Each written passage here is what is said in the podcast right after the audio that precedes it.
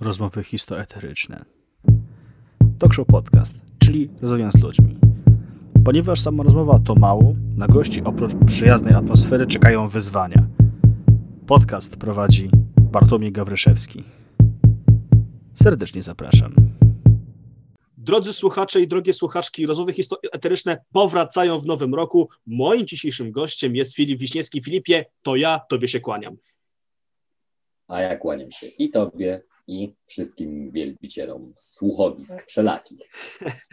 Dziękujemy w takim razie e, i w imieniu, swoim imieniu słuchaczy. E, Filipie, za nami już e, od tydzień temu, znaczy tydzień temu zaczęły się, w niedzielę skończyły się Mistrzostwa Świata w latach w Planicy. Widzieliśmy, że Ty też opiłeś i podsumowania, i też jakby wspólne oglądania. I jakbyś w dużym skrócie opisał, no na początku jednym słowem, jakie te Mistrzostwa Świata w latach były? Sprawiedliwe. To jest słowo idealnie obrazujące te mistrzostwa, dlatego że na początku sezonu mieliśmy mnóstwo problemów z warunkami atmosferycznymi mm, i tak dalej, i tak dalej.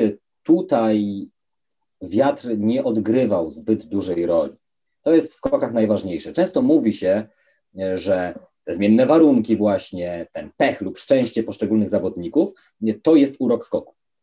Moja opinia jest taka, że to jest brzydota skoków, a nie urok, bo to jest niesprawiedliwość. Urok skoków to są dalekie loty, to są piękne lądowania, to jest rywalizacja na noże, na jedną dziesiątą punktu, natomiast nie niesprawiedliwość atmosferyczna. E, I rzeczywiście było sprawiedliwie i wygrywali najlepsi. W konkursie indywidualnym przewagę z, pierwszego, z tej pierwszej części konkursu obronił Karl Geiger, chociaż wyżej na letalnicy ceniłem Graneruda akurat, w konkursie drużynowym złoto zdobyli Norwegowie, obronili je i to jest rzeczywisty układ sił w czołówce, przynajmniej jeśli chodzi o loty na ten moment. Mhm. Okej, okay, w porządku. E, powiedz mi, czy e, przeciwieństwie do Mistrzostw Świata w lotach z przed 10 lat, e, które też się odbyły w Planicy, dla tych, którzy nie oglądali skoków, co mnie to może lekko zdziwić, ale powiedz mi, czy w porównaniu do tego, co się zadziało 10, co, się, co działo się 10 lat temu, czy atmosfera, mimo tego już była oczywiście, są inne, są inne, były inne realia, czy atmosfera tej właśnie rywalizacji sprawiedliwej jest taka sama? Pamiętajmy, że przez e, właśnie przez Wickersu w 2012, przez Harachow dwa lata później oraz oczywiście y, Bad Mittendorf i Oberstdorf, nie było tak naprawdę takiego momentu, kiedy były cztery pełne serie udane oraz konkurs drużynowy, który też był dwuseryjny i w całości te warunki były sprawiedliwe. To prawda, to jest słuszna uwaga i w 2012 w Wickersund, potem Harachowie, potem na Kulm, potem w Oberstdorfie no nie mieliśmy tego pełnego obrazu, przynajmniej konkursów indywidualnych, ale warto zaznaczyć, że w Planicy w 2010 też tak kolorowo, różowo nie było. Pierwszy dzień zmagań, piątek, to były zawody popołudniowe, z tego co pamiętam, i wtedy na letalnicy panował delikatny wietrz, bądź taki, taki mniej więcej w granicach obojętnego. I rzeczywiście było równo fajnie, ale drugi dzień, to już mocny wiatr pod narty, wiejący z różną siłą. I była taka sytuacja, że Gregor Szliwencauer, skaczący w tej czwartej, ostatniej kolejce, przed Adamem Małyszem, Adam Małysz tam bronił swojej przewagi medalowej, ostatecznie jej nie obronił, nie obronił się i przed Szliwencauerem, i przed Jakobsenem, no to w każdym razie ten Szliwencauer mocny wiatr pod narty, wtedy Gregor, młody zawodnik, ale, ale już bardzo utytułowany, słynął z umiejętności lotniczych, że tak to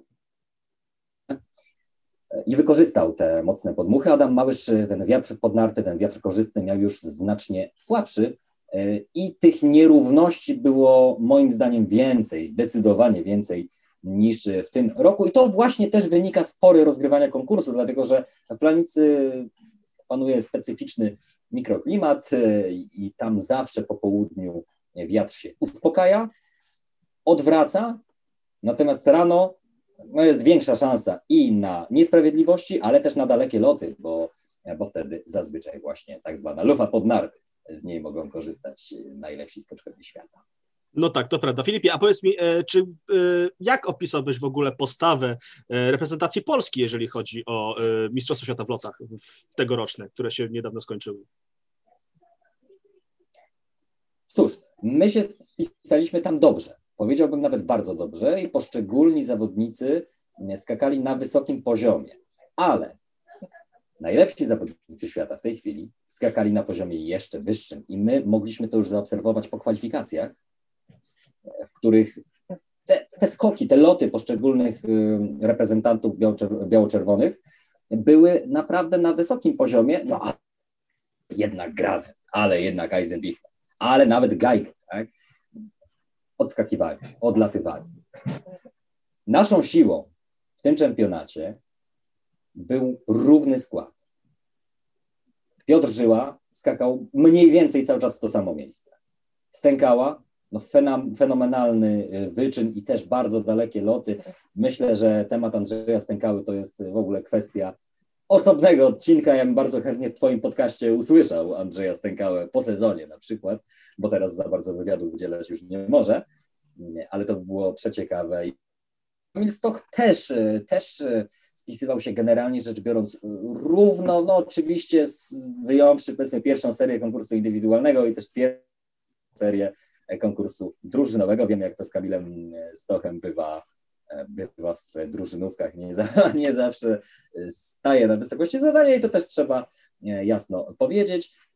I nawet ten Dawid Kubacki też skakał, e, skakał cały czas na tym samym poziomie, że ten poziom był niższy od oczekiwanego, z niego samego przede wszystkim.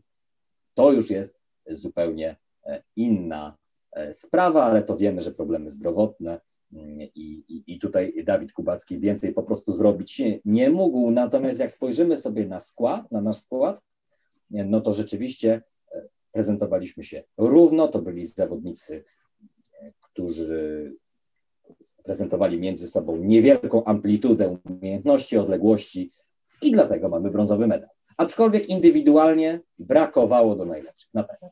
Nie, no to na pewno, bo stawka była wyrównania, ale chciałbym tylko zwrócić uwagę na jedną rzecz, że e, mimo tego, i rzeczywiście, tak jak powiedziałeś, sytuacja kadrowa była bardzo dobra. Wreszcie mieliśmy czwartego, czyli Andrzeja Stękałę e, do e, drużynówki, to mimo wszystko zauważ, że dziennikarze i fani e, skoków narciarskich i nawet sam Kamil Stoch stwierdził, że oni czują się na tyle dobrze, że mogą w stanie te medale indywidualne zdobywać. Co w, tym, co w takim przypadku, poza oczywiście wiatrem i większością stawki, mogło jeszcze zawieść? Forma, forma. Forma nie umożliwiała walki o medale indywidualne, bo inni byli po prostu lepsi. To nie znaczy, że my byliśmy słabi, tylko inni byli lepsi. I nie podlega to najmniejszej nawet dyskusji. Najmniejszej. Po prostu my tego, e, tych medali indywidualnych wywalczyć nie byliśmy w stanie. Skoczkowie nie byli w stanie wywalczyć. Mhm. Ale, ale mówię o, o skoczkach. Nie byli w stanie, bo brakowało metrów. Szczególnie w tak sprawiedliwych warunkach, jakie mieliśmy na, na letalnicy miniony weekend. No okay. I tu nie ma, nie ma za bardzo pora do dyskusji. Brakowało i prawdopodobnie jak gdyby te mistrzostwa rozegrane były tydzień później, to również by brakowało. Okej, okay, w porządku. I chyba wiesz co, ja to kupuję, zwłaszcza, że e, to były, to, to, czy mimo wszystko to były trudne mistrzostwa organizacyjnie. To były pierwsze mistrzostwa, jeżeli chodzi o czas pandemiczny w nowej dekadzie. A skoro tutaj jesteśmy, Filipie, zapraszam Cię na pierwszy segment z naszego podcastowego talk show, czyli segment pierwszy raz, czyli rozgrzewka. Gość otrzymuje pięć pytań dotyczących początków, debiutów i tego, co się zaczyna. I my zaczynajmy. E, czy jesteś na nie gotowy? Fantastycznie. Jestem gotowy. No to, że tak powiem, lecimy. Filipie, kiedy po raz pierwszy byłeś na skoczni? Bo była taka sytuacja, że byłeś kiedyś na skoczni narciarskiej, ale kiedy ten był pierwszy raz? Bardzo późno. Bardzo późno byłem pierwszy raz na skoczni. Zaskoczę tutaj wszystkich, zaskoczę, to też fajne słowo. Byłem w 2000, mój drogi, 18 roku pierwszy. No proszę, no to ciekawe. E... Ja nie jestem typem skokowego obieży świata, jak na przykład Artur Bała, który tych y, skoczni to najbardziej znany skoczniołaz na świecie, nie, najbardziej utytułowany, że tak to ujmę, który widział tysiąc ponad skoczni, grubo ponad tysiąc skoczni, już e, nie, nie, zdecydowanie nie, przynajmniej póki co na co, znaczy dlaczego, dlaczego tak się stało? No dlatego, że ja też po prostu skupiałem się na innych rzeczach. mało wyjeżdżałem, może jakaś sytuacja prywatna, czy sytuacje prywatne miały e, na to wpływ, bo różnie nam się życia układają. Ja przypominam, że z Łodzi jestem. To malutka podpowiedź. E, no także, także to było całkiem niedawno, ale intensyfikowałem swoje podróże na skocznie w ostatnim czasie, siłą zresztą rzeczy. W porządku. E, powiedz mi, jak się czułeś po publikacji swojego pierwszego filmu na kanale Sztuka Latania? Mówiąc e, szczerze, nie spodziewałem się, że ten kanał będzie cieszyć się takim zainteresowaniem i ja troszeczkę sztukę latania traktowałem jako ostatnią deskę dziennikarskiego ratunku. Dlaczego? Dlatego, że ja już wcześniej się tym, tym wszystkim zajmowałem. Ja wcześniej miałem już kanał e, YouTube'owy, przepraszam za karetkę, tutaj, tutaj właśnie nam podróżuje na sygnale, pojazd uprzywilejowany. Ja wcześniej miałem już kanał sportowy, tylko że nie, nie tylko o skokach, ale generalnie o sporcie. I to zaczęło się w pierwszej klasie liceum, to, to był rok 2014, gdy ruszyłem. Mówiłem dużo o skokach, ale też o piłce, o siatkówce, koszykówce, atletyce, etc., etc. To nie chwyciło. Z dwóch powodów. Po pierwsze, na YouTubie potrzebna jest specjalizacja jeżeli robi się kontent troszeczkę poważniejszy niż y, challenge albo Team X, e, to wymaga to po prostu specjalizacji, na przykład w sporcie. Tak? Nie możemy robić kanału ogólnosportowego, bo generalnie rzecz biorąc kibice sportowi w Polsce albo im w ogóle na świecie są mocno zacietrzewieni, tak bym e, powiedział. I fani piłki nożnej nie trawią siatkówki, fani skoków nie trawią lekkiej atletyki, a fani kolarstwa no nie mogą patrzeć na ten snooker, który im cały czas wchodzi na przykład na antenę Eurosportu lub odwrotnie też, częściej odwrotnie. Oczywiście to są przykłady i te, te konotacje są różne, natomiast, nie, natomiast no tak jest, że rzeczywiście ludzie rzadko kiedy interesują się sportem jako całą dziedzinę. Mhm, w radiu mhm. przez rok e, i po tym mrocznym okresie, który bardzo mi dużo dał, postanowiłem, że trzeba jeszcze i zrobiłem, wrzuciłem ten pierwszy film, potem wrzuciłem od razu drugi, trzeci, czwarty, więc jak się czułem po pierwszym filmie, wiesz co, w ogóle się nie czułem, bo od razu się zabrałem za drugi. A, widzisz, no to rzeczywiście ciekawie. No cóż, e, powiedz mi, gdzie po raz pierwszy miałeś okazję prowadzić event jako konferencjer? Ty też znany jesteś z tego i też na twojej stronie można było znaleźć, e, że e, prowadzisz takie usługi konferencjerskie i czy e, ludzie korzystali z tej usługi, że tak powiem, jeszcze przed pandemią? Podstawówce, podstawówce, mój drogi, ale pewnie pytasz o, o, o płatne usługi. Tak, Interpretacja należy do ciebie. Okej. Okay. E, teraz oczywiście nie korzystają siłą rzeczy. Mamy pandemię i o konferencjerce to nikomu się nawet nie śni. Natomiast ja to bardzo lubię. To jest mój żywioł. Ja lubię stać na scenie, ja lubię prowadzić eventy i moim zdaniem z tych wszystkich około dziennikarskich fachów w tym czuję się najmocniej. Mogę wyróżnić jako taki jeden z pierwszych eventów poważniejszych, które prowadziłem, to koncert, y, przegląd chyba młodych y, młodych artystów zespołów rockowych, już nie pamiętam dokładnie, jaka była konkretna koncepcja tego. W każdym razie ten przegląd nazywał się Pchły, był, e, był zresztą organizowany na Pomorskiej niedaleko w Łodzi, w takim klubie Arterion, zdaje się. To mhm. był rok 2014, listopad. E, był to projekt organizowany przez e, moich znajomych z liceum, mocno uduchowionych i uartystycznionych, że, tak, że taki neologizm stworzę. I poprosili mnie, bym poprowadził taki event. Poprowadziłem, myślę, że wyszło całkiem fajnie i wtedy już tak na maksa poczułem, że to jest to. Okej. Okay. Powiedz mi, e, czy ty pierwszy raz sam udzielasz komuś wywiadu? Bo znany jesteś z tego, że po prostu ty też wiele wywiadów udzielałeś, ale w sensie byłeś ich prowadzącym.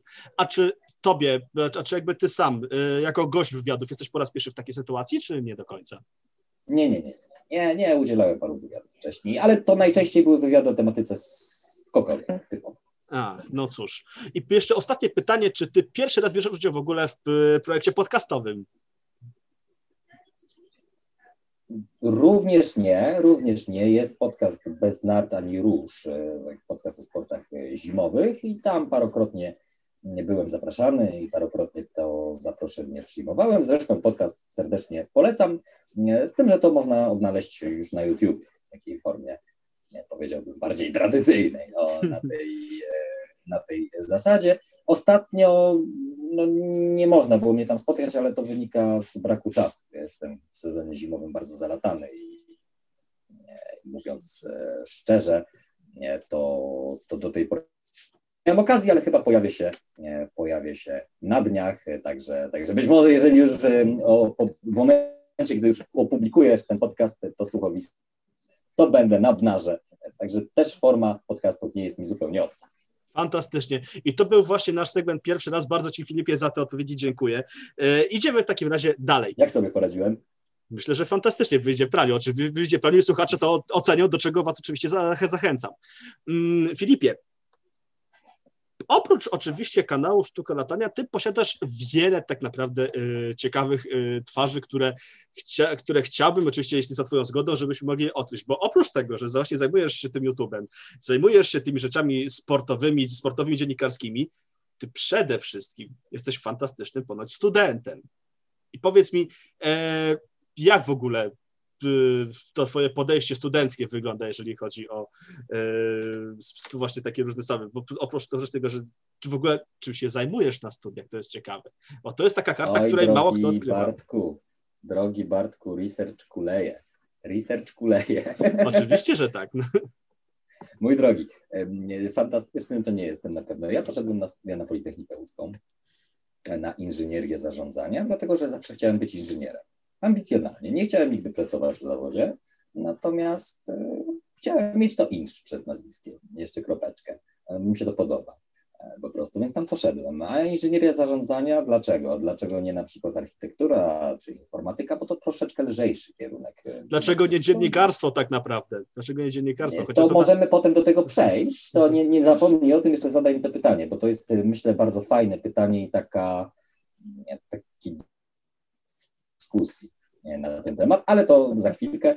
Jestem na etapie tworzenia, konstruowania pracy inżynierskiej, także ja już mam wszystkie przedmioty za sobą, wszystkie zaliczone, brakuje mi tylko dyplomu i, i już będę pan. Fantastyczny student, tyle ci powiem, że, że ty z tym wszystkim zdążysz po prostu sobie ponadrabiać, bo niektórzy mogą mieć z tym problem. No, wiesz, co, wiesz co, to naprawdę pogłoski o fantastyczności mojego studiowania są mocno przesadzone. Zweryfikują to inni, jak będziesz w tym pracę bronił. Pozdrawiam, jak też będzie słyszał, to...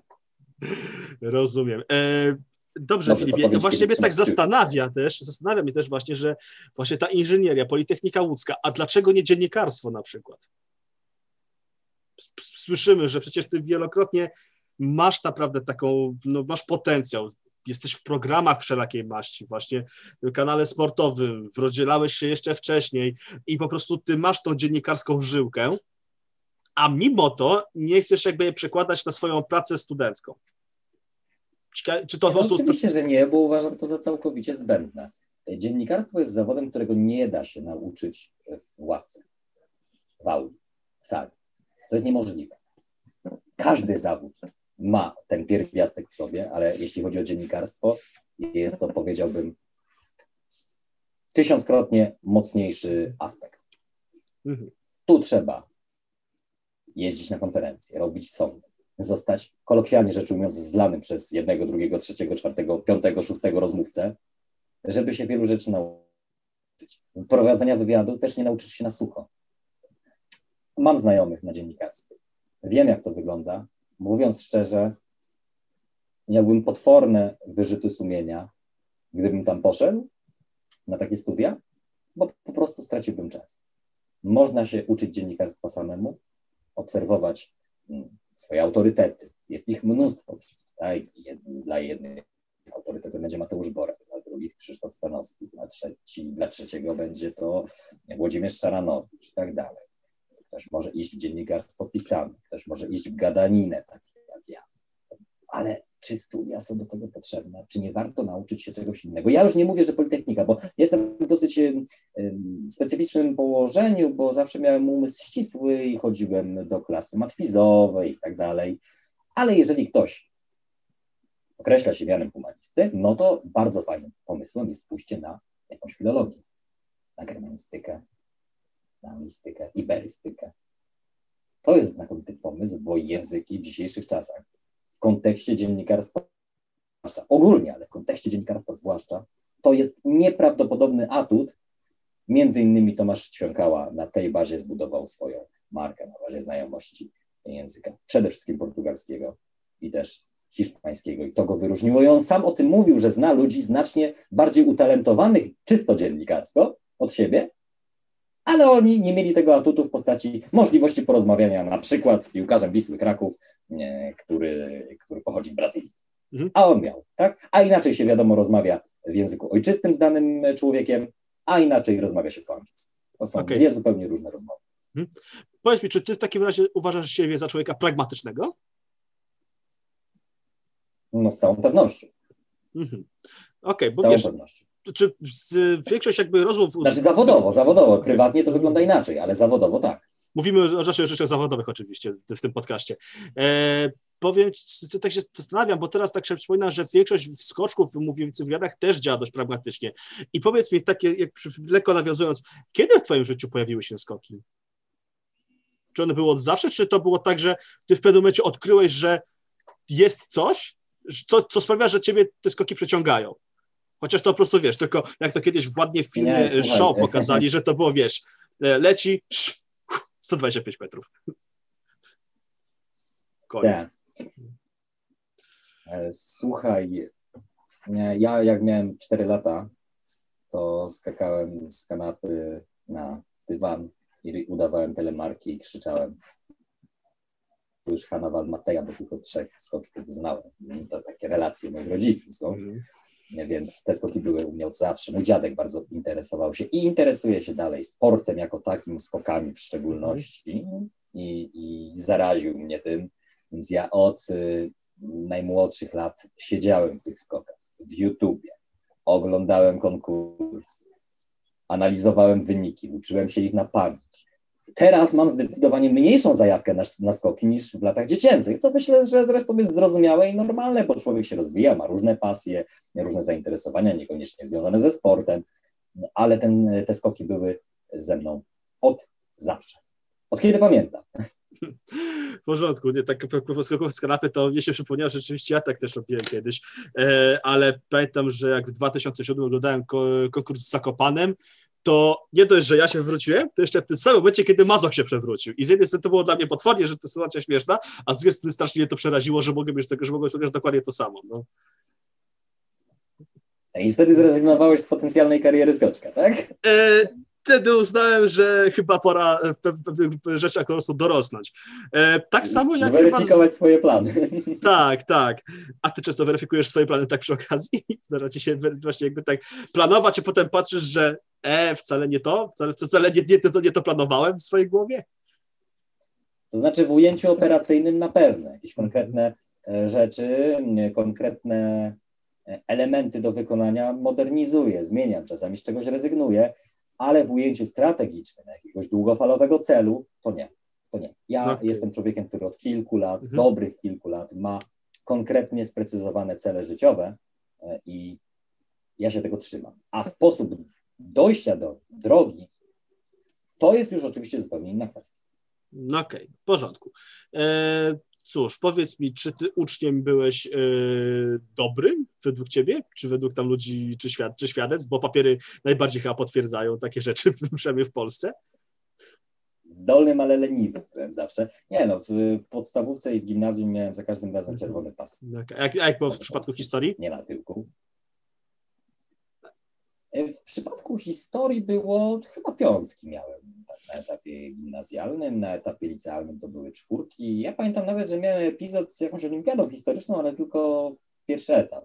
Tylko mm -hmm. pierwszy etap, także e, wiesz, myślę, że łatwo mnie tu zagniesz, bo, bo pamięć zawodna i, i, i ja mam troszkę z głową, że mój mózg działa, czy moja pamięć działa jak taki dysk zewnętrzny, wiesz, albo dysk twardy że po prostu jedną rzecz e, zapisuję, no to drugą muszę wyrzucić, bo za dużo miejsca tam nie ma. No. Natomiast e, wiesz co, ja, ja dobrze się uczyłem raczej, dobrze, uchodziłem za ucznia bardzo zdolnego, ale nie byłem typowym prymusem. Nie, nie, nie, co to, to nie, nie. Ja potrafiłem sobie zwagarować czasami, potrafiłem dostać uwagę za to i tamto, za na przykład y, kocenie młodszych w gimnazjum, albo za jakieś wulgaryzmy też. No, Także typowe gimnazjalne było. większość ludzi chyba to miała, tak mi się wydaje. Oczywiście ci, którzy No tak, ale aczkolwiek mieli- jest grupa prymusów. prymusów. Jest najczęściej prymusek. prawda. Najczęściej prymusek. Nie, a no nie, ja, ja do tej grupy nie należałem zdecydowanie, byłem taki troszeczkę momentami, tak powiem, niepokorny, ale, mm, ale to myślę, że też ukształtowało mnie.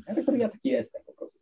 No cóż, słuchaj, mam nadzieję, że ta zdolność twoja naukowa, zwłaszcza w kontekście historii, pozostanie, dlatego że chciałbym teraz zaprosić cię do takiej drobnej odpowiedzi przy mikrofonie. Czas na naszą odpowiedź z historii.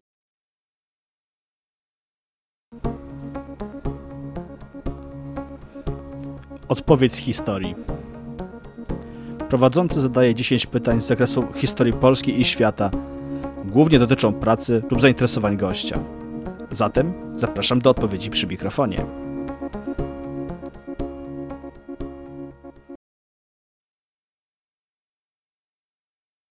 Czy jesteś gotowy? Mam nadzieję, się okaże. W takim razie po- poczek- zapraszam, zapraszam do odpowiedzi przy mikrofonie. Filipie, ile filmów ma kanał Sztuka Latania obecnie? Nie mam bladego pojęcia. Wiesz, ja w ostatnim czasie bardzo zintensyfikowałem liczbę filmów na kanale. Mówiąc szczerze, zapomniałem to sprawdzić, ale myślę, że to może być, mogę się kręcić w granicach dwusetki już. Tak, bo, o, Myślę, czy to dokładnie to rząd ci. Do, aktualnie teraz, jak patrzę i sobie sprawdzam, to wyjdzie ci e, 193 materiały wideo. Widzisz, widzisz jak, jak ten Mhm. na nos? Powiedziałem, ale naprawdę na nos, przysięgam, nie sprawdzałem. Także no około 200, no to co? No to jeżeli 193, no to myślę, że jeszcze tydzień, 10 dni do I będzie powiedzmy, do 200. końca Roku No. będzie 200, tak. No, mam nadzieję, że jakaś specjalna okazja na to, na ten 200 film też będzie. E, powiedz, Wolałbym e, 200 tysięcy subskrypcji, mówiąc szczerze, ale okej. do tego jeszcze dojdziesz, spokojnie. Na razie, na razie to masz w okolicach 50 tysięcy, tego co pamiętam. E, za co ci gratuluję oczywiście. No. Ilu, ilu? E, ponad 50 tysięcy, tak mi się wydaje. Subskrypcji, o nie, mój drogi. To Troszkę, troszkę mniej? obciąć. 24. 24 tysiące, okej. No.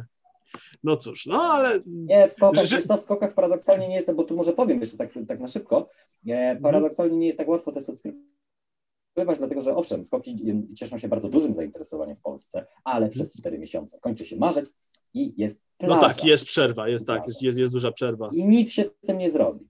Mhm. Dobra. E, kolejne pytanie brzmi następująco. Wieloletni komentator i dziennikarz sportowy komentował skoki w TVP i w Eurosporcie. Prowadziłeś nawet z nim wywiad. O kim mowa? Biorąc pod uwagę te wszystkie składowe, może być mowa tylko i wyłącznie o Marku Rudzińskim. Dokładnie. Powiedz mi, kiedy odbyła się pierwsza edycja Pucharu Świata w skokach narciarskich? W sezonie 79-80. Pamiętasz, kiedy się, to, kiedy się zaczął? Tak z datą dokładną Jeśli pamiętasz, w życiu.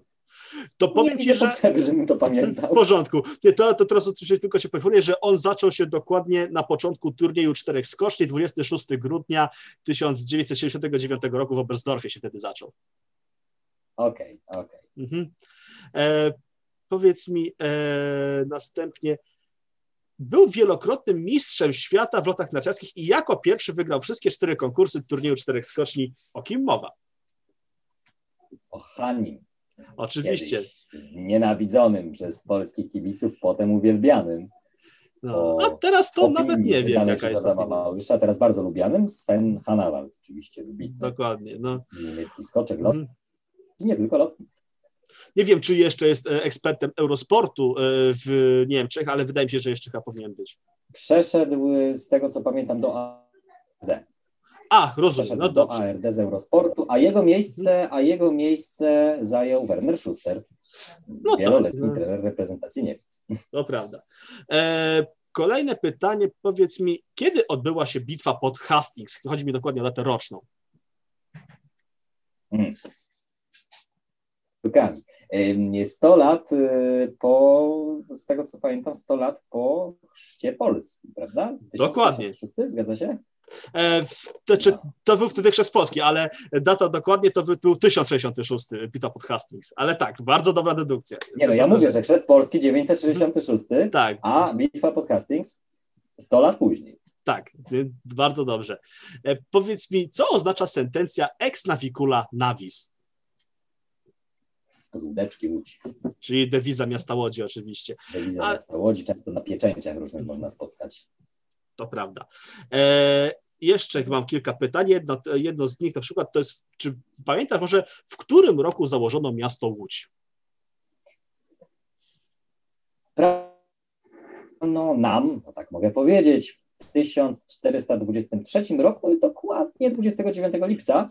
E, pamiętam, nie z tego że jestem takim geniuszem historycznym, e, tylko z tego względu, że obchodzimy rok rocznie, akurat no w tym roku nie wiadomo co jest, nie, ale, ale rok rocznie obchodzimy urodziny w mhm. formie różnych koncertów e, na Piotrkowskiej, naszej tak zwanej Pietrynie, wtedy ludzi tyle, że szpilki nie da się włożyć, to mhm. zawsze jest właśnie na przełomie lipca i sierpnia mnóstwo atrakcji, także jeżeli ktoś ma ochotę, jeżeli już nam czasy znormalnieją, no to ja oczywiście do Łodzi serdecznie zapraszam na jej urodziny. W 2021 będziemy obchodzić Oj, trzeba byłoby to policzyć.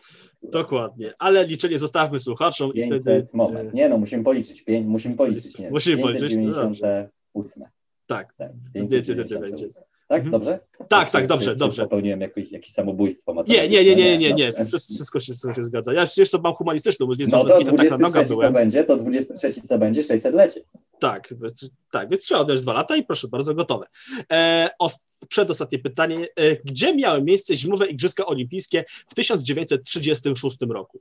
Pamiętasz może? W Garmisch-Partenkirchen i to zresztą były w pewien sposób przerażające igrzyska, bo doskonale wiemy, co się wtedy już w III Rzeszy działo, no jaka prawda. była tam atmosfera związana z tym.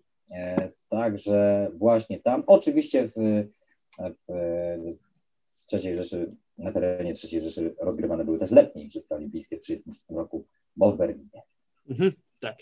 E, I ostatnie pytanie dla Ciebie, mianowicie jedno chyba z takich ciekawszych, bo na nie słyszałem, że odpowiedź może być e, trudna, ale jak wygląda proces twórczy u Filipa Wiśniewskiego?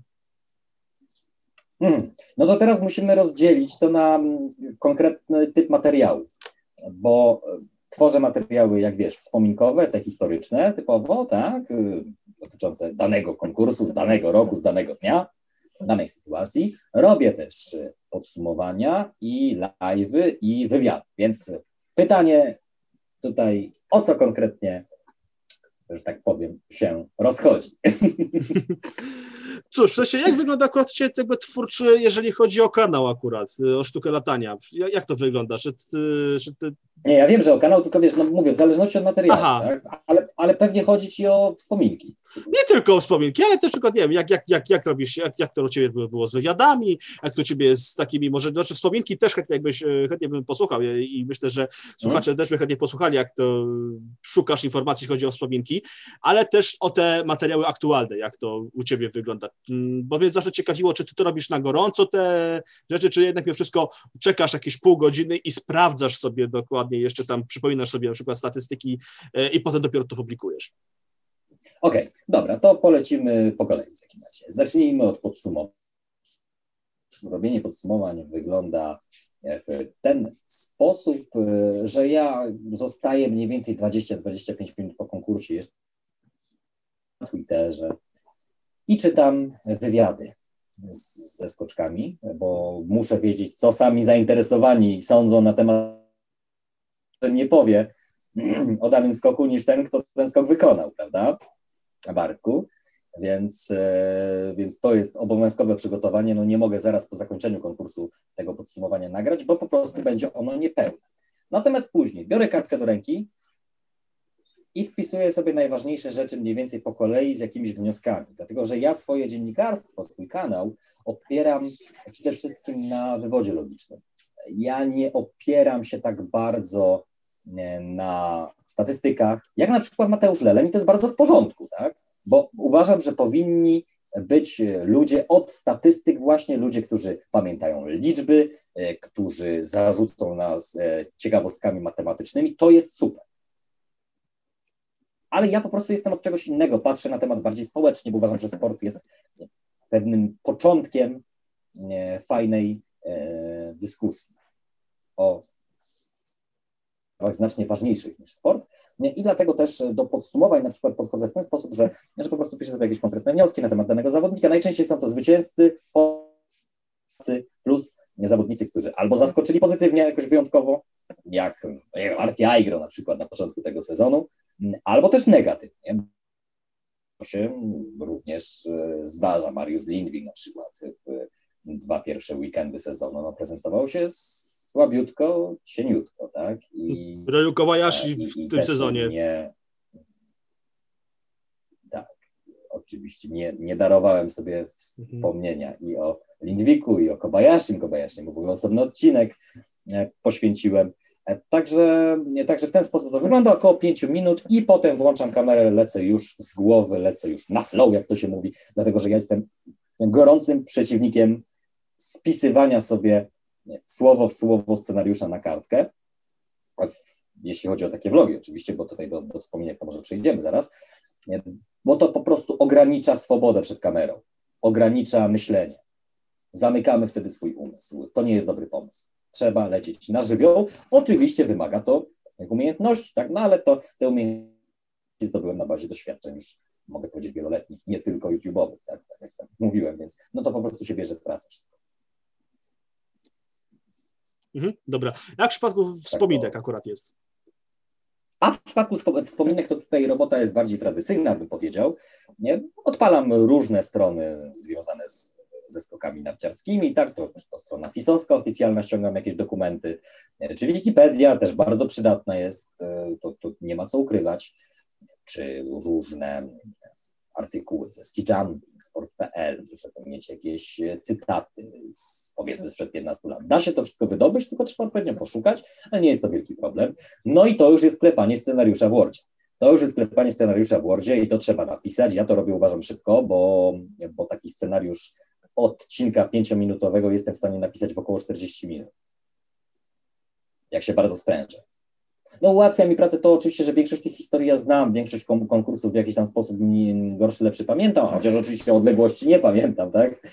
To jest jasne, bo, że tak powiem, nie mam zamontowanej baterii R14 i, i to niemożliwe. Ja też nie mam takich ambicji w ogóle. Więc y, po napisaniu scenariusza, przeczytaniu go, zaakceptowaniu go, zabieram się za nagrywanie z OFU, czyli po prostu włączam dyktafon, nagrywam, potem to, to obrabiam odpowiednio w programie, żeby to fajnie brzmiało. Wrzucam do programu z montażem, e, ściągam materiały audiowizualne, oczywiście odpowiednio je oznaczam, tak żeby to podchodziło pod prawo cytatu. Mam do tego prawo, jak najbardziej. E, I, e, i proces montowania to jest mniej więcej też półtorej godziny trzeba liczyć, zapis, wrzucenie. Jestem w stanie zamknąć, jeżeli tak usiądę, będę szedł do toalety, nie będę szedł do kuchni, nie będę się skupiał na innych rzeczach, to jestem w stanie się zamknąć w 3,5 godziny. Ale generalnie rzecz biorąc, zajmuje to w normalnych. A jest... uważam, że robię to szybko. Dobra, co to jest tempo dla mnie błyskawiczne. Na przykład, żeby chodzi, jeśli chodzi o wywiady, e, czy o drugi podcast Usłysz Historię, do którego serdecznie zapraszam, rzeczywiście muszę się przygotować tam 2-3 dni, zanim zacznę nagrywki, zanim znajdę odpowiedni artykuł na przykład, e, albo tak jak właśnie zacznę robić materiały do researchu. E, mi to bardzo długo zajmuje i dopiero potem mogę włączyć kamerę, zaprosić gościa i wtedy spokojnie na ten temat rozmawiać. Filipie, to była nasza z historii. W ramach nagrody otrzymujesz oczywiście nagrodę Za co ci, y, o której pamiętam, że kiedyś bardzo e, marzyłeś. Y, czy tam o jakiejś nagrodzie dziennikarskiej, z tego co pamiętam, kiedyś y, na live bardzo chciałeś ją mieć i w ramach tej nagrody no, właśnie dalej chcę, oczywiście, czemu nie? Trzeba mierzyć jak najwyżej. No i to w ramach odpowiedzi z historii jako nagroda idzie dla ciebie. Dziękuję bardzo. Czyli już jedno z marzeń mogę sobie odhaczyć, tylko sobie na kartce zapiszę tutaj, że już Dobrze. się tym zajmować. W porządku, w porządku. Filipie, przejdziemy do teraz takich tematów troszeczkę cięższych, ale tylko troszeczkę. Bo chciałbym Cię zapytać e, o podsumowanie takie, jaki dla Ciebie był 2020 rok? prawie każdego gościa, ten podcast został założony, e, pytam, bo podcast powstał w lipcu e, i prawie każdego gościa pytam, jak na ciebie 2020 rok wpłynął jako na człowieka? Bardzo trudny. To był bardzo trudny okres dla mnie pod względem prywatnym. Przede wszystkim, bez zagłębiania się w szczegóły, ale, Nie, ale nie. trudny. Mhm. Mm, To był okres wielu zmian w moim życiu, przede wszystkim w myśleniu na temat swoich przyzwyczajeń, podejścia do samego siebie i do innych ludzi także. Pytanie, bo to jest ciekawe pytanie, jak ja ten 2020 rok będę wspominał za lat 20 na przykład. I szczerze mówiąc, nie wiem. Słodko-gorzko, tak myślę, słodko-gorzko, bo zawodowo naprawdę poczyniłem duże postępy w tym 2020 roku. Udało się zrobić kilka fajnych rzeczy. Udało się przede wszystkim zachować taki rytm, etos pracy dziennikarskiej to, no, to było dla mnie bardzo symptomatyczne, ale jednocześnie jednocześnie też musiałem się uporać z pewnymi mm, problemami, e, które otaczały mnie, na które nie zawsze miałem wpływ, ale które przede wszystkim mnie bezpośrednio dotykały. Słodko-gorzki był ten rok, może nawet gorzko- gorzko-słodki. No, tak Mm. myślę. I oczywiście też pandemia sama w sobie nie jest sytuacją przyjemną, o ile na początku e, ja nawet miałem jakąś taką nutkę ek- ekscytacji na zasadzie, kurczę, co tu pozamykają nas w domach, to będzie coś nowego, coś dziwnego, raz w życiu coś takiego. No ale mówiąc szczerze, po dziewięciu miesiącach czy dziesięciu miesiącach takiej zabawy, to można już mieć odruch wymiotny. Nie wiem jak ty, ale ja Mhm. takowy posiadam. No cóż, no, jak w sumie, gdyby nie pandemia, to bym nie, dalej nie trwał przy, pod, nie przy podcastach tak y, długo nie trwał.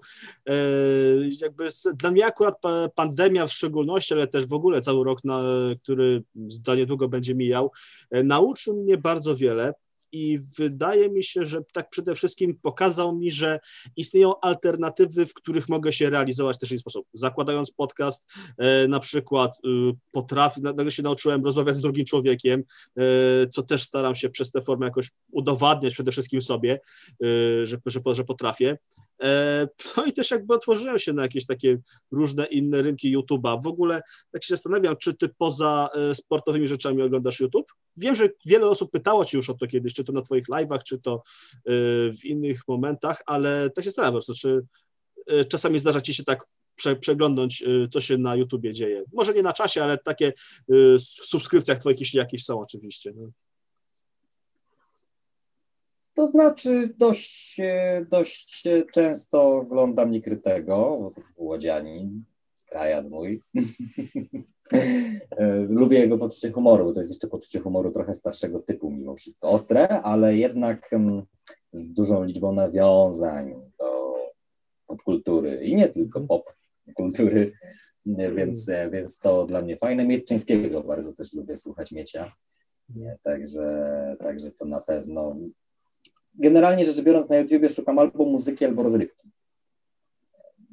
Aczkolwiek też na przykład y, często zajrzę na historię bez cenzury. Nie wiem, co sądzisz o tym kanale, o, o Wojtku Drewniaku, jaką masz opinię? Wiesz co, powiem ci tak, ja też sam chętnie oglądam, ale to raczej, wiesz co, z ra- racji tego, że jesteś ten historii, to raczej to oglądam w ramach takich, mm, takiego odmurzenia od wykładów, że tak powiem. E, bo tam oczywiście Tam treści są, są źródła, Tak? tak, znaczy, tak, znaczy są to źródła, ale to są raczej, ale to najczęściej są to rzeczy popularno-naukowe albo e, rzeczy popularne. Nie sądzę, no to, znaczy, oczywiście wiem, że Wojtek e, kończył historię razem z, ze swoimi ludźmi na Jest, UMCS-ie tak, w Lublinie. E, Natomiast nie znaczy, znaczy, trudno mi jest jako historykowi dostrzec, e, gdzie dokładnie, w którym momencie e, Wojtek e, nawiązuje, czy tam scenarzysta, czy tam reżyser Paweł nawiązują właśnie do źródeł, żeby mógł sobie sprawdzić, gdzie, dokładnie jest ta sytuacja mówiona. Oczywiście bibliografia cała jest, ale tak jak patrzę w tę bibliografię, u nich to w większości to chyba są jednak przypadki, kiedy jest to litera- literatura bardziej popularna niż popularno-naukowa. Aczkolwiek jeden naukowy odcinek raz im się zdarzył, za co ich bardzo szanuję. E, Okej, Przyjemnie się ogląda, to na pewno. Tak, to prawda, bo to też nawiązania- fajne i Mhm, bo to też nawiązania popkulturowe i to jest w ogóle ciekawe. Polecam w, te, w tym wypadku wykład Wojtka na TEDxie w Lublinie, który miał miejsce chyba jakieś 7 lat temu. Jeszcze można go znaleźć yy, i to jest super rzecz. I w ogóle tak się zastanawiam, czy w kontekście 2020 roku czasy, w których byli, byłeś zdecydowanie młodszy, podstawówka, przed podstawówką były czasami dla ciebie teraz z perspektywy czasu ciekawszymi? Czy może jednak patrzysz na to, że w przyszłości będzie lepiej?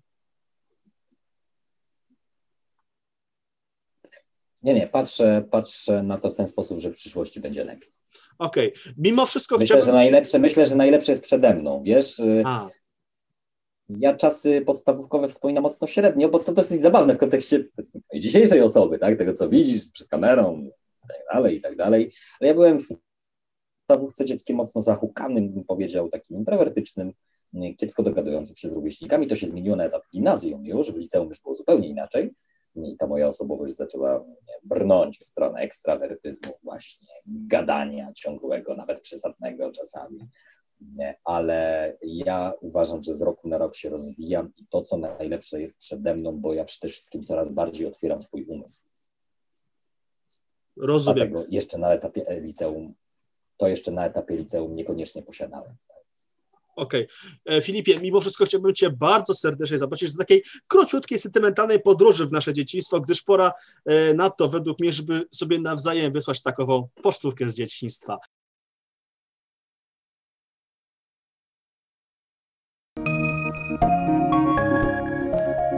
Pocztówka z dzieciństwa. Spoglądamy z gościem w przeszłość, w czasy, kiedy byliśmy dziećmi. Z tego etapu wysyłamy sobie pocztówki. Co konkretnie otrzymamy? Posłuchajcie.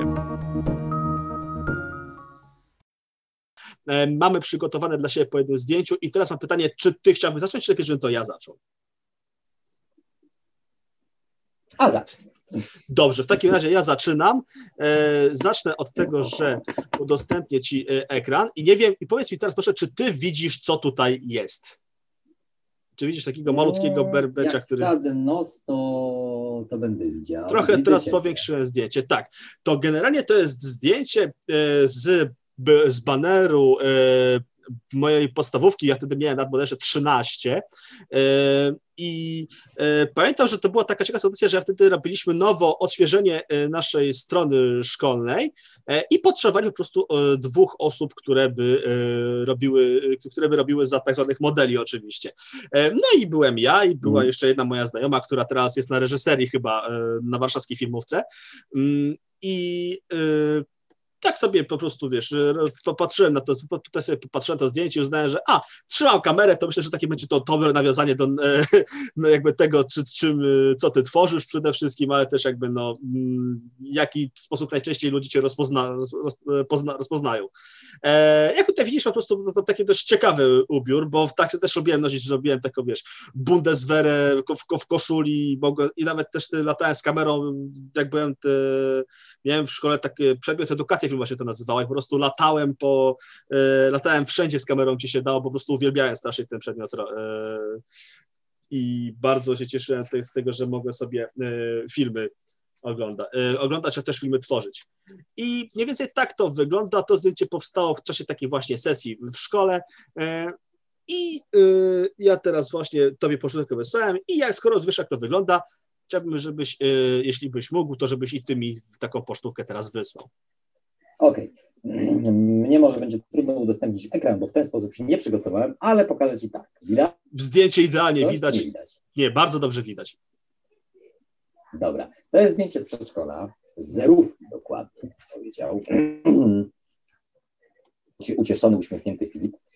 Samo zdjęcie w sobie może nie przedstawia jakiejś konkretnej, ważnej dla mnie sytuacji, bo po prostu zdjęcie jak zdjęcie, ale dobrze ten moment wspomina szkolu akurat, bo wtedy zapisałem się do drużyny piłkarskiej e, przedszkolnej właśnie i pamiętam, że było to dla mnie niesamowite odczucie, niesamowite doświadczenie, jak zacząłem dogadywać się właśnie z rówieśnikami.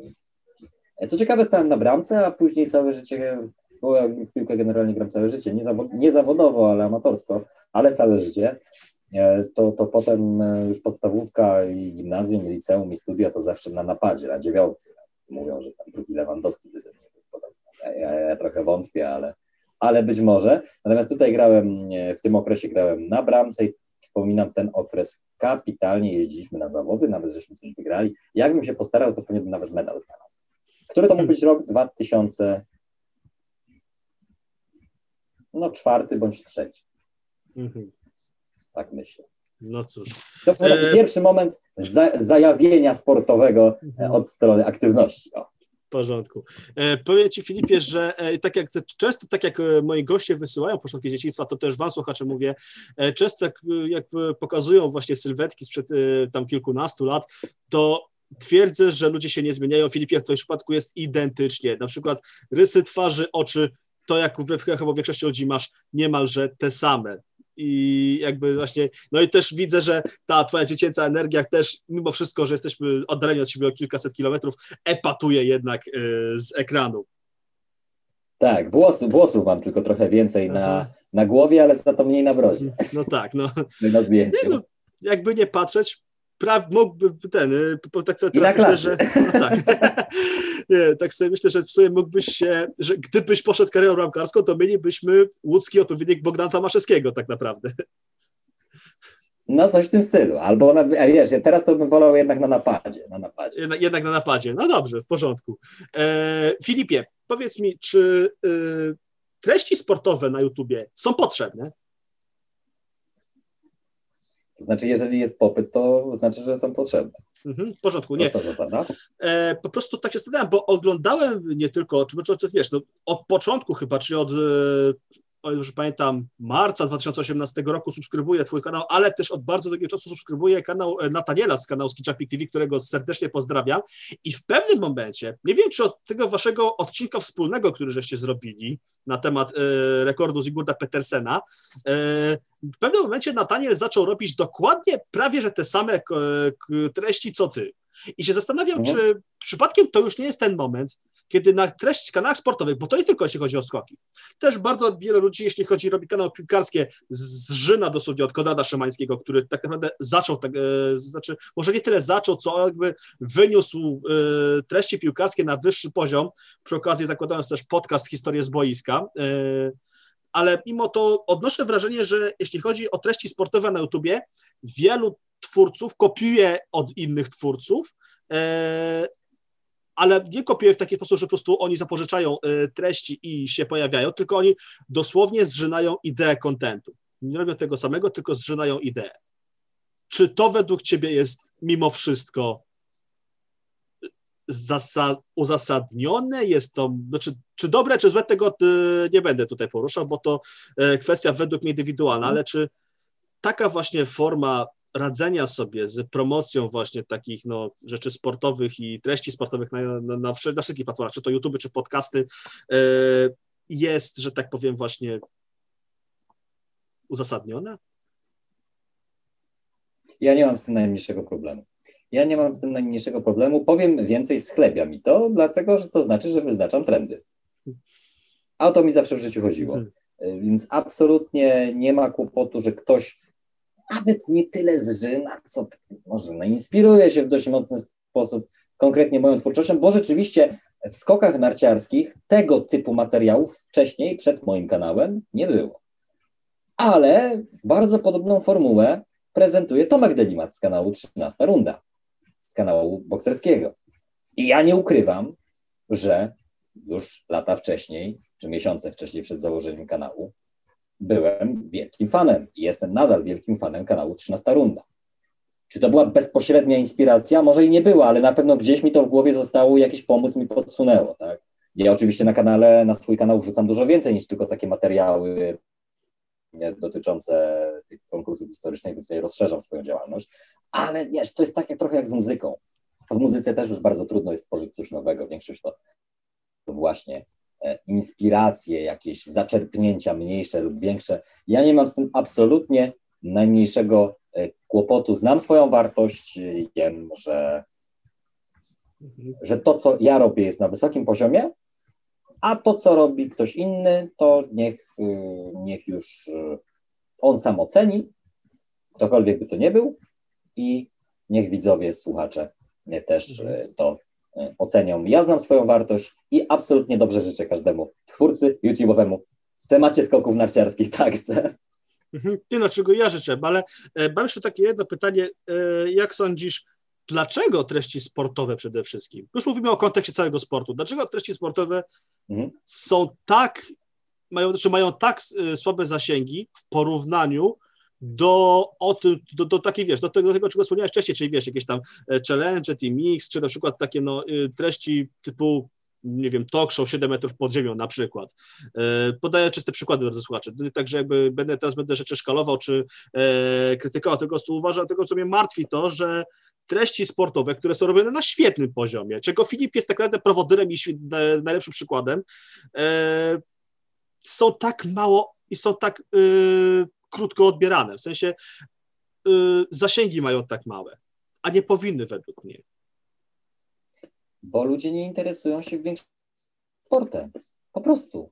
Sport nie jest w obrębie zainteresowań, w kręgu zainteresowań większości ludzi, zwłaszcza ludzi młodych, którzy tworzą to ludzie młodzi tworzą, tworzą YouTube'a. To nie jest przypadek, że najpopularniejsze na YouTubie są challenge, kawałki e, raperskie. Ja bardzo lubię rap i jestem z blokowiska łódzkiego, więc, e, więc OSTR i nie tylko, e, to jest dla mnie świętość, ale, ale to nie jest przypadek, że kawałki raperskie z tysiącem bluzgów w, w, podczas czterech minut ma taką, mają taką popularność, że Team X i tak dalej, że to też osiąga wielkie liczby. I chwała tym ludziom za to, że to robią, tak, bo wykorzystują, wykorzystują no może nie niszę, ale wykorzystują trend i po prostu zarabiają na tym pieniądze. No YouTube jest od tego, żeby też pieniądze zarabiać oczywiście.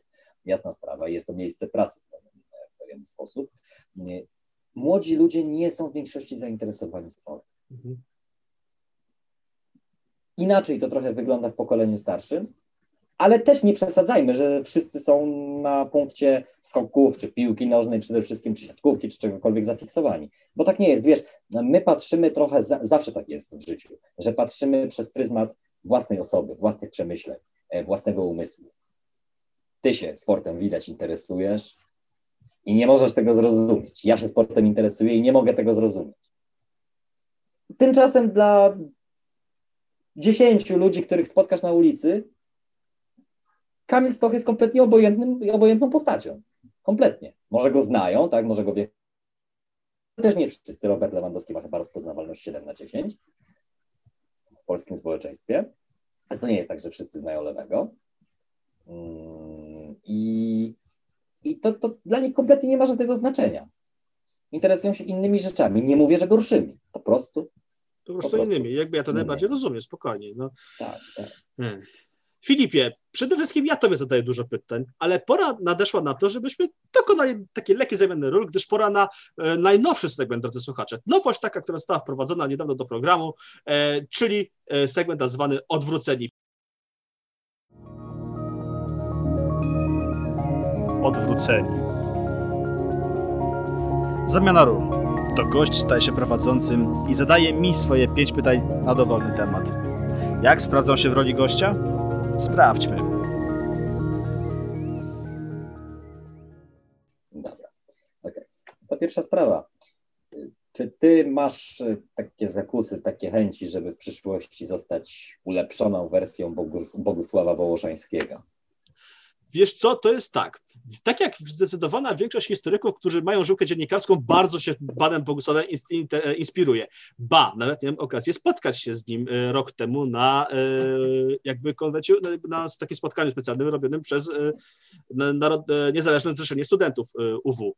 Natomiast od razu mówię, że inspiracje tutaj są zgoła odmienne. W sensie mnie, mnie do stworzenia kanału, do, do stworzenia może nie kanału, ale do stworzenia podcastu tego, przynajmniej wywiadowczego, zainspirował Karol Paciorek i Imponderabilia, to na pewno, mm. co zresztą piszę w mailach propozycyjnych do, do, e, każdego gościa, który może być każdy słuchacz, e, jeśli tylko zachce. E, natomiast jeżeli chodzi o kanał Usłysz Historię, wydaje mi się, że przede wszystkim inspiruje się serią Historia w 5 minut, która według mnie jest taka też rzeczywiście rzetelna ale też bardzo ważny jest dla mnie datownik historyczny, czyli Maciej Korguć i RMF Classic. To były chyba takie główne, e, to były, to były takie główne postacie, które zachęciły mnie do tego, żeby właśnie tworzyć treść historyczną. E, tak jak mówię, ja jestem studentem historii, ale e, tu, tu już jest też rozbieżność, gdyż pan Wołoszański akurat studiował prawo, zanim zaczął się bawić w, tak jest, w telewizji. Tak. No, więc od razu mówię, nie, mimo, tego, iż to, mimo tego, iż to jest wielka persona i wielka jakby postać, którą można się inspirować, nie chcę iść tą drogą i e, uważam, że e, po prostu znaczy tworzenie drugiego Włoszewskiego w aktualnym momencie jest bezsensowne. Trzeba poczekać kolejne 100 lat i wtedy może ktoś, kto, za, kto, kto e, będzie jeszcze, nie wiem, albo pamiętał, albo będzie właśnie się tym interesował i tworzył takie treści, które na tamtejsze e, czasy, pamiętajmy, że w ogóle w latach 80., 90. ten program Sensacje XX wieku i też inne poboczne programy były wtedy rzeczywiście takimi, e, które wyznaczały tak naprawdę trendy. Natomiast trzeba rzeczywiście poczekać kolejne 100 lat, zaczekać aż niektóre sprawy na przykład zostaną odkryte, albo pojawią się totalnie nowe i wtedy pojawi się nowa osoba, która w sposób, która będzie, który będzie wyprzedzać trochę y, epokę w przyszłym, która, która będzie się działa w przyszłości, zacznie tworzyć. I wtedy myślę, że będziemy mogli o mm, my z perspektywy czasu, jeśli będziemy jeszcze żyli, o drugim Wołoszańskim mówić. No, odpowiedź rzeczywiście pełna i czuję się ukontentowany. Słuchaj, powiedziałeś, że podcast sprawił, że mocny progres zaliczyłeś też w relacjach międzyludzkich, tak, w, w umiejętności rozmawiania z drugim człowiekiem. A jak wyglądało to wcześniej? Od razu cię informuję, ci się sprostuję. Podcast nie nauczył mnie e, da, dalej tworzenia relacji. Ja generalnie jestem człowiekiem bardzo ekstrawertycznym i to jakby no od, od, od dziecka Aha. byłem. Ja potrafiłem kontakt nawiązać, ale nie potrafiłem kontaktu utrzymać. I podcast mnie tak naprawdę uczy tego teraz, że ja, pot, że ja potrafię znaleźć nowe metody nawiązania kontaktu, ale przy okazji potrafię ten kontakt utrzymać. E, czy pomaga mi to w relacjach? Lubię o tym opowiadać, ale najczęściej jest tak, że ja się o tym opowiadać boję, dlatego że, dlatego, że wśród moich znajomych mam takie podejrzenie bardzo y, ostre, że niestety może ich nie interesować to, co ja tworzę. Ale oczywiście, jeżeli się z tym dzielę, to w większości oczywiście sytuacje są odwrotne, są ty zainteresowani, ba nawet czasami są moimi gośćmi y, tychże, w tymże podcaście. Mhm. No to może podrążmy. Wiesz, nie chodzi mi o prywatę wcale, mhm. E, ale podrążyłbym te, te relacje. Co tutaj najchętniej byś u siebie zmienił? Wiesz Mówię co? bardzo ogólnie. Mm, wyzbyłbym się w sobie, wydaje mi się... Poczekaj, jeszcze, jeszcze tylko, przepraszam, jeszcze ci tylko wejdę w słowo na moment. No powiedzmy, że chciałbyś ze mną wejść w taką głębszą relację, powiedzmy jakąś taką koleżeńską, tak? Mhm. Już nie na zasadzie gospodarz-gość, mhm. tylko no tak, żebyśmy mogli sobie dzwonić co jakieś dwa tygodnie na przykład i sobie pogadać o życiu, nie? O, o, o, o, o dziewczynach i o mhm. pieniądzach i o wszystkim, co tylko chcemy. Mhm. To powiem to, Ci tak. Mm. To co byś, jakich, jakich błędów nie chciałbyś popełnić? E, w przypadku kobiet na pewno nie chciałbym, żeby nagle ta relacja stała, stała się relacją e, intymną. To na pewno. W przypadku mężczyzn jest tak, że e, bardzo często, potra- że e, zdarzało mi się, nie wiem, czy mi się zdarza teraz, może też mi się zdarza, nawet częściej, tylko ja tego nie dostrzegam, ale zdarza mi się jeszcze zrażać do siebie ludzi przez to, że ja potrafię, że ja po prostu lubię opowiadać tylko i wyłącznie o jednej rzeczy, bo mnie tak potwornie pasjonuje. E, ale też mam problem taki, pewnie który też zauważyłeś, że e, ja mm, chciałbym o czymś opowiedzieć, ale przez to, jak bardzo jestem zawieszony, albo jak po prostu nie potrafię się e, skupić na rozmówcy, to ja potrafię po prostu totalnie zmienić temat. E, tego też się chciał, tego też mnie podcast sobie nauczył, e, ale też no, niektóre zajęcia retoryczne, które miałem w drugim semestrze pierwszego roku studiów, że ja przede wszystkim nauczyłem się ludzi słuchać. Wcześniej to by było nie do pomyślenia, że ja, koleś, który by non-stop wyłącznie gadał, nagle po prostu przycichł i zaczął słuchać tylko ludzi, potakiwać, uśmiechać się do nich, żadnego wcielania się słowo, chyba że nastąpi taka trochę krótsza przerwa i wtedy, jeżeli ktoś by nie miał przeciwko, to wtedy bym chętnie y, zadał jakieś pytanie konkretne. Widzisz, ja cię zaskoczę, bo, bo, bo na przykład ja się składam głównie ze słuchania. Ja gadam głównie przed kamerą, a tak lubię słuchać, bo wtedy dowiem się znacznie więcej. Od swojego gadania nie przybędzie mi wiedzy, bo Cóż, ja i tak te różne rzeczy wiem, czy mam w głowie, tak? Natomiast inny człowiek jest w stanie nam pokazać inną perspektywę, troszeczkę inne spojrzenie na świat. Może niekoniecznie takie, z którym musimy się zgadzać, ale można się pięknie różnić. Mhm. Myślę. I fajnie, że przede wszystkim masz świadomość tego, co chcesz poprawić, co chcesz zmienić i że chcesz robić progres, bo wiesz, jaka jest y, y, największa bolączka moim zdaniem młodego pokolenia, naszego pokolenia. Jesteśmy w podobnym wieku. Tak, to prawda. No. Aczkolwiek powiem Ci, że no, no. długo się na tym zastanawiam, jaka jest największa bolączka, ale chętnie posłucham Twojej opinii. Znaczy największa, nie wiem czy największa, ale jedna z większych to na pewno, to na 100% mogę powiedzieć. Przeciętność, tkwienie przeciętności. E, takim maraźmie, wiesz, ludzie boją się sięgać po marzenia, rozwijać pod każdym względem, także osobowościowym. Boją się przyznać do błędu. Mam czasami wrażenie, jak e, widzę, nie, jak widzę ludzi, spotykam na swojej drodze i na drodze prywatnej, na zawodowej, że gdybyśmy mieli rozpalone ognisko, a obok bramkę z napisem przyznaj się do błędu je napraw, to ludzie woleliby wejść w to ognisko i siedzieć tam dwie godziny. Nie wiem, Możliwe, że to prawda. nie umiem tego wytłumaczyć, ale tak jest, ale tak jest. To jest straszne, przerażające. Wiesz, no ja teraz staram Tak. się to, to, to zmienić i e, powiem Ci, że bardzo dużo mi teraz daje że poczucie, że ja jestem coś odpowiedzialny. Moja sytuacja życiowa to na tyle jakby daje mi to poczucie odpowiedzialności, że e, ja w pewnym momencie nagle wiem, że nie mogę być przeciętny, tylko muszę być decyzyjny. Tak, tak, to, to tego wymaga życie na wysokim poziomie, takim ambicjonalnym, na wysokim Mhm. poziomie, także finansowym i na wysokim poziomie przede wszystkim kultury osobistej, Mhm. intelektualnym, na każdym, każdym ujęciu. No dobrze, też na koniec Ci takie jedno pytanie zadam, bo rozmawialiśmy o tym i ciekawy jestem, jaka jest Twoja opinia, bo ja już swoją wyraziłem. No to dlaczego nie, dlaczego historia, a nie dziennikarstwo?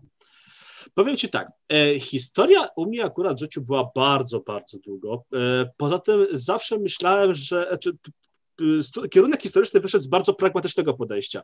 Otóż wtedy uważałem, że ja totalnie niczego nie umiem. W sensie ja totalnie nie potrafiłbym odnaleźć się w innej rzeczy niż w historii.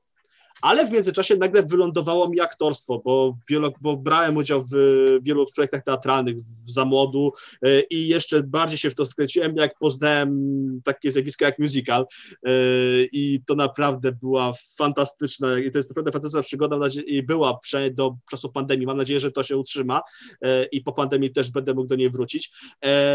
Wjechało też właśnie to, to, to, to dziennikarstwo, w sensie tak prowadzenie podcastów e, dwóch, e, które dla mnie przynajmniej jest bardzo takim otwierającym mnie przynajmniej na siebie i na innych ludzi, e, ale historia przede wszystkim dlatego, że to raz, to jest moja pasja od bardzo, bardzo długiego czasu, dwa, rzecz, wynikło to w czasie klasy maturalnej z rzeczy bardzo pragmatycznej, innej rzeczy na studiach nie byłbym w stanie ogarnąć. To chyba tyle. Hmm, myślę, że przesadzasz z tym, że nie byłbyś w stanie ogarnąć, wiesz? E, Nie, nie, nie, nie wydaje mi się, że, że tak jest. Gdybyś mnie znał dwa lata wcześniej, doskonale byś wiedział, o czym mówię, e, bo byś po prostu nie widział. Ale wiesz, no poznaliśmy się dopiero niedawno, więc jakby e, spokojnie jeszcze be- myślę, że będzie czas, żeby o tym sobie spokojnie pogadać. I nie to był nasz. okazja. No tak. Mhm. Nie jedna okazja. I to był właśnie nasz segment Odwróceni. Mam nadzieję, że Wam, drodzy słuchacze, że to się podobało. Filipie, mam nadzieję, że Ty też poczułeś się, e, powiedzmy, mm, usatysfakcjonowany tym, że mogłeś odbić piłeczkę, że tak powiem. Tak, jestem, czuję się doceniony, że mogłem tutaj troszeczkę popracować. W porządku. Bardzo mnie to cieszy. E, Filipie, zbliżamy się niefortunnie do końca naszego spotkania, ale zanim to nastąpi, mam do Ciebie takie jedno pytanie, które zadaję każdemu gościowi na koniec. Jakie są Twoje plany na przyszłość? Standardowe pytanie. Standardowe pytanie. Plany na przyszłość to jest e, po pierwsze rozwój kanału. Po drugie nawiązanie współpracy z jedną z telewizji. Nie wiem jeszcze którą. Ja zajmuję się sportami narciarskimi, ale także tenisem. Daje to trochę większe możliwości. Oraz stworzenie przynajmniej jednego, ale chciałbym kilka, przynajmniej jednego dokumentu pełnometrażowego, niezwiązanego ze sportem w ogóle. W ogóle dlatego, że ja nie chcę jako dziennikarz zamykać się, czy nawet jako youtuber, zamykać się tylko i wyłącznie na sport. To jest po prostu dla mnie za mało. Mm, To nie, nie jest w stanie opanować moich ambicji. Ja zawsze, zresztą zawsze byłem nadambitny e, i tak już chyba pozostanie na wieki wieków. Nie no, ale wiesz co, moim zdaniem wiesz się z tym zgodzisz, ale uważam, że ambicja oraz y, nieustanny rozwój to są chyba dwie najważniejsze rzeczy w takich karierach właśnie jak moja podcastowa, twoja YouTubeowa i ogólnie dziennikarska. Tak, oczywiście, tylko że można się po prostu przegrzać czasami. To też niejednokrotnie stawało się moim udziałem. Myślę, że nie Bo- tylko twoim. Ja nie, niejednokrotnie pracując nad warsztatem, wiesz, wiesz, teraz robię to już rzadziej, bo się po prostu warsztatowo czuję pewnie. Mhm. Ale kiedyś, parę lat temu, pracując nad warsztatem, no, poddałem, powiedzmy, czy znajdowałem się na granicy pewnego rodzaju nawet obsesji momentami. I to dla młodego człowieka jest dość, dość powiedzmy, poważna mm, oznaka, że trzeba troszeczkę nogę z gazu. Mhm, rozumiem. Filipie, będziemy kończyć nasze spotkanie, a tradycją w tym podcaście jest to, że kończę go segment zwany w eter. Bez żadnej cenzury masz teraz mniej więcej dwie minuty na jakiś apel czy duszy posłuchaczy. Filipie, mikrofon należy do ciebie. Dobrze. W takim razie, a powiedz, ma być, ma być głupio, czy mam udawać mądrego? Interpretacja należy do ciebie. Dobra, to poudaję mądrego. W takim razie mam takie inclinacje jakieś, żeby udawać często. Słuchajcie, moi drodzy, przede wszystkim nie warto być w życiu przeciętnym. To, o czym rozmawialiśmy już 5 minut temu. Nie warto, bo potem na koniec życia będziemy tego wszystkiego żałować. Jeżeli mamy jakąś szansę, to chwyćmy tego przysłowiowego Pana Boga za nogi. Jeżeli mamy okazję zrobić progres, progres finansowy, progres ambicjonalny, intelektualny, to zróbmy Nieważne, jakie będą konsekwencje, bo te konsekwencje mogą być negatywne. Czasami tak się układa życie, że coś nam nie wyjdzie, że się na czymś przejedziemy. Ale najgorzej jest nie spróbować. To jest frazes, to jest bardzo znane zdanie, ale frazes, gdyby nie był prawdą, to by nie był frazesem, prawda, Bartku? No właśnie. E, więc przede wszystkim nie być przeciętnym i używać mózgu. Błagam, bo, bo nie mogę patrzeć czasami na ludzi młodych w moim wieku, młodszych albo i starszych, e, którzy mają potencjał intelektualny, ja to widzę, i nie rozkminiają, kolokwialnie rzecz ujmując, rzeczy, swojego życia, życia innych, nie, nie, rozkminiają, nie rozkminiają swoich zachowań, nie, myślą na temat y, jakichś potencjalnych konsekwencji swoich złych czynów, czy też dobrych czynów. Po prostu nie używają kalarety. Y, krótko mówiąc, to jest y, bolączka dzisiejszego świata. I trzecia sprawa, też o tym już wspominaliśmy. Umiejętność przyznania się do błędu. Nie ma człowieka, który nie popełnia błędów. Nie ma takiego człowieka. Ja popełniałem błędów w życiu dużo.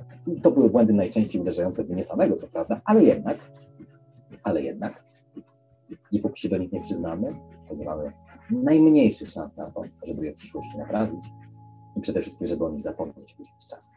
I tyle ode mnie. Filipie, bardzo Ci dziękuję za tę rozmowę. Dziękuję Ci w ogóle za wszystkie tutaj, co to się działo. Dziękuję, bardzo dziękuję za zaproszenie. To było bardzo miłe z Twojej strony. I to już wszystko w tej rozmowie. Na następną zapraszam w środę w południe. Rozmowy histoeteryczne dostępne są na Spotify, Apple Podcasts, Google Podcasts i podobnych serwisach. Ponadto rozmowy histoeteryczne posiadają stronę na Facebooku i profil na Instagramie. Tam dowiesz się o najnowszych odcinkach. I ty możesz zostać gościem tego podcastu. Wystarczy, że napiszesz do mnie na Facebooku. A to na tyle. Do usłyszenia.